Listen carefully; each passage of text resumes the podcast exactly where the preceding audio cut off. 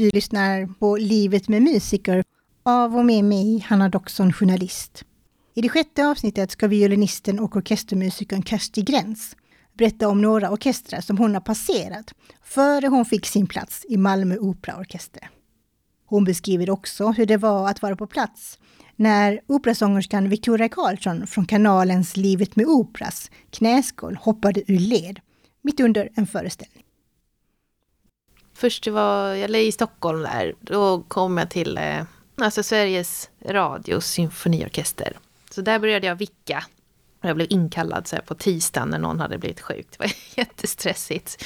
Men det, eh, det var min första... Där kände jag mycket folk så. Men det var första gången jag vickade där liksom på riktigt. Det var rätt stressigt faktiskt. Men eh, just det här med att man blir inringd på tisdag morgon och så ska man läsa, alltså då läser man Avista, alltså man får se noterna samma morgon. Då gör man ju vad man kan på något sätt. Men det är ändå stort när man blir ringd av, en, e, alltså av sin egna förmåga. Men sen gjorde jag en sån eh, vikarieprovspelning. Alltså till eh, Filharmonin i Stockholm. På Konserthuset. Då ringde ju de mig efter det. Då gick man in och spelade då. Men då satt ju stämman där så man såg alla. Och man gick in på stora scenen. Men då spelar man, jag tror fem minuter. Eller tio minuter kanske. Kan du komma den veckan? Och så får man noterna hemskickat. Det var också stort. Vad tar du vägen sen då, Kersti, efter det? Alltså jag har varit i Västerås Sinfonietta några gånger och Gävle åkte jag till. Det, var, det trivdes jag jättebra med, Gävle symfoniorkester.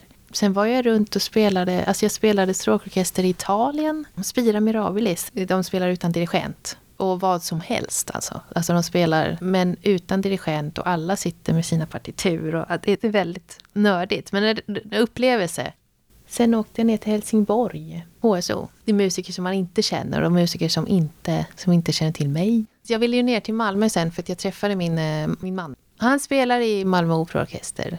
Nej men så då sökte jag mig ännu mer ner till, eh, eller jag ville hålla kontakt med HSO och eh, jag kom till Malmö symfoniorkester. Där var ju min gamla fiollärare, Marika Fältskog. Hon var ju min fiollärare i Stockholm. Jag kom in i Malmö symfoniorkester i alla fall och vickade där lite. Och sen träffade jag jag fick kontakt med någon i, på Malmö Opera. Så då kom jag och vickade på Malmö Operaorkester. Sen vann jag provspelningen 2018 till Malmö Operaorkester. Skiljer det sig mellan att spela operamusik kontra symfonier? Ja, jag tycker det är en skillnad. Egentligen rent liksom eh, spelmässigt är det ju ingen skillnad. Men eh, det är allt runt omkring som är en skillnad. När man spelar symfonier sitter man på en scen. När man spelar opera så sitter man nere i ett dike. Och publiken är väldigt fokuserad på det som händer på scen. Så att man är inte i blickfånget. Ja, men det känns jättebra. Men det, det är inte så att det är frid och fröjd. Så, alltså man kan ju fortfarande bli... Man går in där och sätter sig om det är något svårt och känsligt. Såklart nerver kan komma. Men just liksom det här...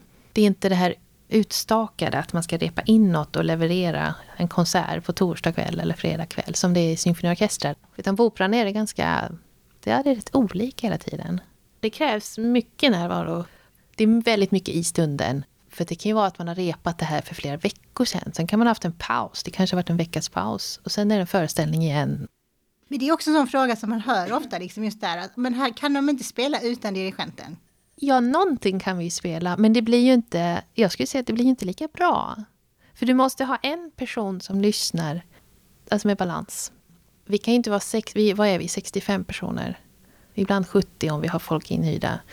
Om, om alla ska liksom bestämma sig för om de ska spela med den. Visst, ibland går det ju att följa. Vi spelade ju häromveckan en pianokonsert. Mozart pianokonsert när dirigenten, han, han spelade själv. Så han satt ju och spelade. Då går det ju bra, för vi hör ju. Då hörde man honom. Då blir det ju mer kammarmusik, att man lyssnar och spelar ihop. Men så funkar det inte på en operascen när sångare står där uppe och kanske sjunger in i väggen och agerar samtidigt. Alltså man måste ha någon som visar oss var. Här ska ni spela. Alltså annars tror jag det faller ihop.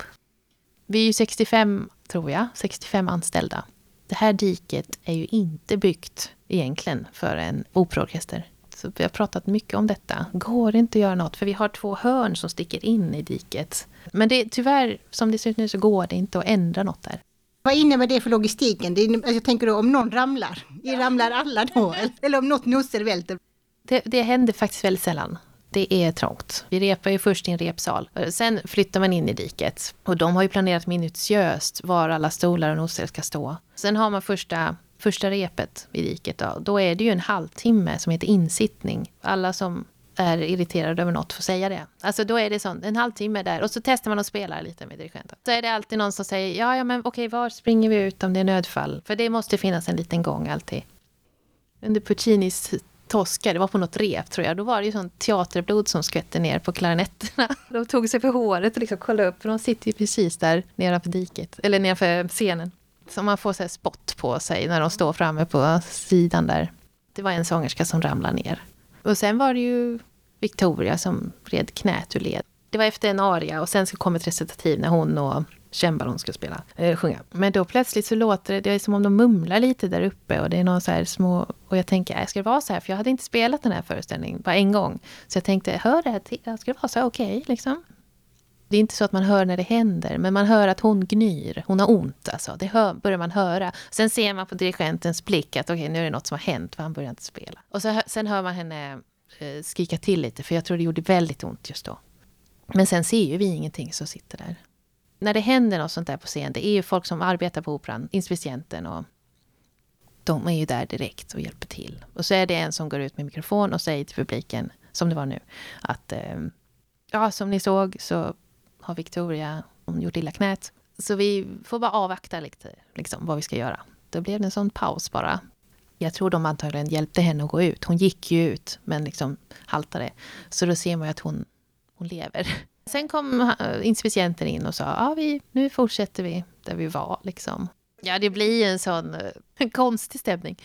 För opera är ju väldigt mycket att man känner i salongen, känslorna och närvaron. Det är ju det som är så hela grejen med opera. Ja, men visst är det så. Det fyller ju 1500. Jag vet inte om det var fullt, men det var ju över tusen i publiken. Apropå det, så här, vi hade ju skolföreställningar på Jamie, musikalen, förra veckan. Och då var det ju gymnasieungdomar. Det var ju tusen ungdomar inne i salongen. Inför skolföreställningar är man lite så här, mm, okej, okay, nu får vi se vad som händer. För de, de har varit med om saker.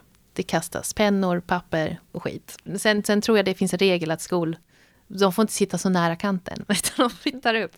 Men i Jamie sitter ju inte vi i diket, utan vi sitter vid taket. sitter vi ju. Ja, vi sitter väldigt tryggt. Men det här var gymnasieungdomar ändå, så det var ju ändå... Det, det var faktiskt oväntat eh, lugnt. Men just, just reaktionerna, de reager, alltså ungdomar reagerar på helt andra ställen än vad en vanlig publik gör. Och det här är en musikal som handlar om en 16-åring. De som sitter och lyssnar är ju liksom man vågar inte riktigt skratta kanske, om du förstår vad jag menar. Men ibland bara så kommer det ju reaktioner på sånt som händer. Eh, alltså rätt allvarliga ställen. Då blir det liksom, hela publiken reagerar liksom. Alltså verkligen så här. Det är en speciell stämning faktiskt. Operan är ju inte operan med bara operasångare, utan ni är ju en helhet. Liksom. Är det någonting ni tänker på när ni sitter i orkestern, att vi gör det här tillsammans med dem på scenen? Eller tänker nej, jag kör min stämma här. Nej, men det, det, det gör man ju ihop, det, definitivt. Sen är man ju såklart mer orkester, alltså det är orkester och dirigent som är vår lilla bubbla. Sen har man ju såklart, i den här bubblan så har man ju den solisten och så kommer den solisten. Alltså. Men visst är det, det är en hel apparat, det känner man ju. Dessutom, alltså när vi, när vi kommer in i diket, då har ju vi repat en eller två veckor. Men då har ju alla solister och scenen har ju repat i två månader. Alltså de, de har satt igång så långt innan. Och när man kommer underfund med det här, då blir man liksom lite ödmjuk. Okej, okay, det är inte bara vi. och dirigenten har hållit på med det här ett halvår. Avslutningsvis nu då, nu är det spännande att höra. Du jobbar i operaorkestern. Vilka operor har du fått spela nu då, under den här tiden? Alltså jag har jobbat sedan 2018 hösten och den första var West Side Story. Skriver som, alltså vad ska man säga? Det är liksom traditionellt fast musikal. Alltså att det är mera, det är mycket rytmer. Det måste ju svänga ändå det är kul att ha gjort den, men jag hoppas den kommer igen. Vi får väl vänta några år. Eller någon annan Bernstein-opera. La Traviata, det var stort för mig. Det är också en sån här jättekänd opera. Alltså man känner ju till det, men liksom inte... Den, den var jättekul att spela. Och det var en jättefin, eller jättebra ensemble och dirigenten. Vi har gjort Wagners Flygande Holländan. Det tycker jag är kul. Alltid när man spelar nytt, då har man ju en... Eh, då, har, då är man ju fri från hur det ska vara. Man, kan bara, man läser noten och bara gör det som, det som står. Utan att ha någon bild av hur det ska låta. Ja, för det måste väl hända ibland att någon skäller en tår, alltså bara mitt under för att något ja. är så vackert som man bara, men man blir proffsig och spelar vidare. Ja, ja, och jag började gråta på slutet på Så som himlen, när han dör. Det var, men det hände mer för genrepen och premiären. Och jag tänker också att det är lättare för er att fälla en tår som spelar vissa instrument kontra andra, typ oboen eller ja, men klarinetten. Det är inte lika enkelt, för det är, alltså, gråten påverkar ju nästan omedelbart andningen. Liksom. Ja, ja, det är väl exakt. Men som sagt, man är kanske olika där också. Men det kan ju vara så att man spelar en operaföreställning och inte riktigt vet vad de sjunger om.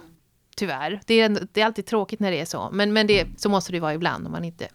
För ibland vill man inte... Man kanske inte vill ge sig hän för mycket heller faktiskt. Man måste ju fokusera på sitt räkna rätt och spela rätt och sådär.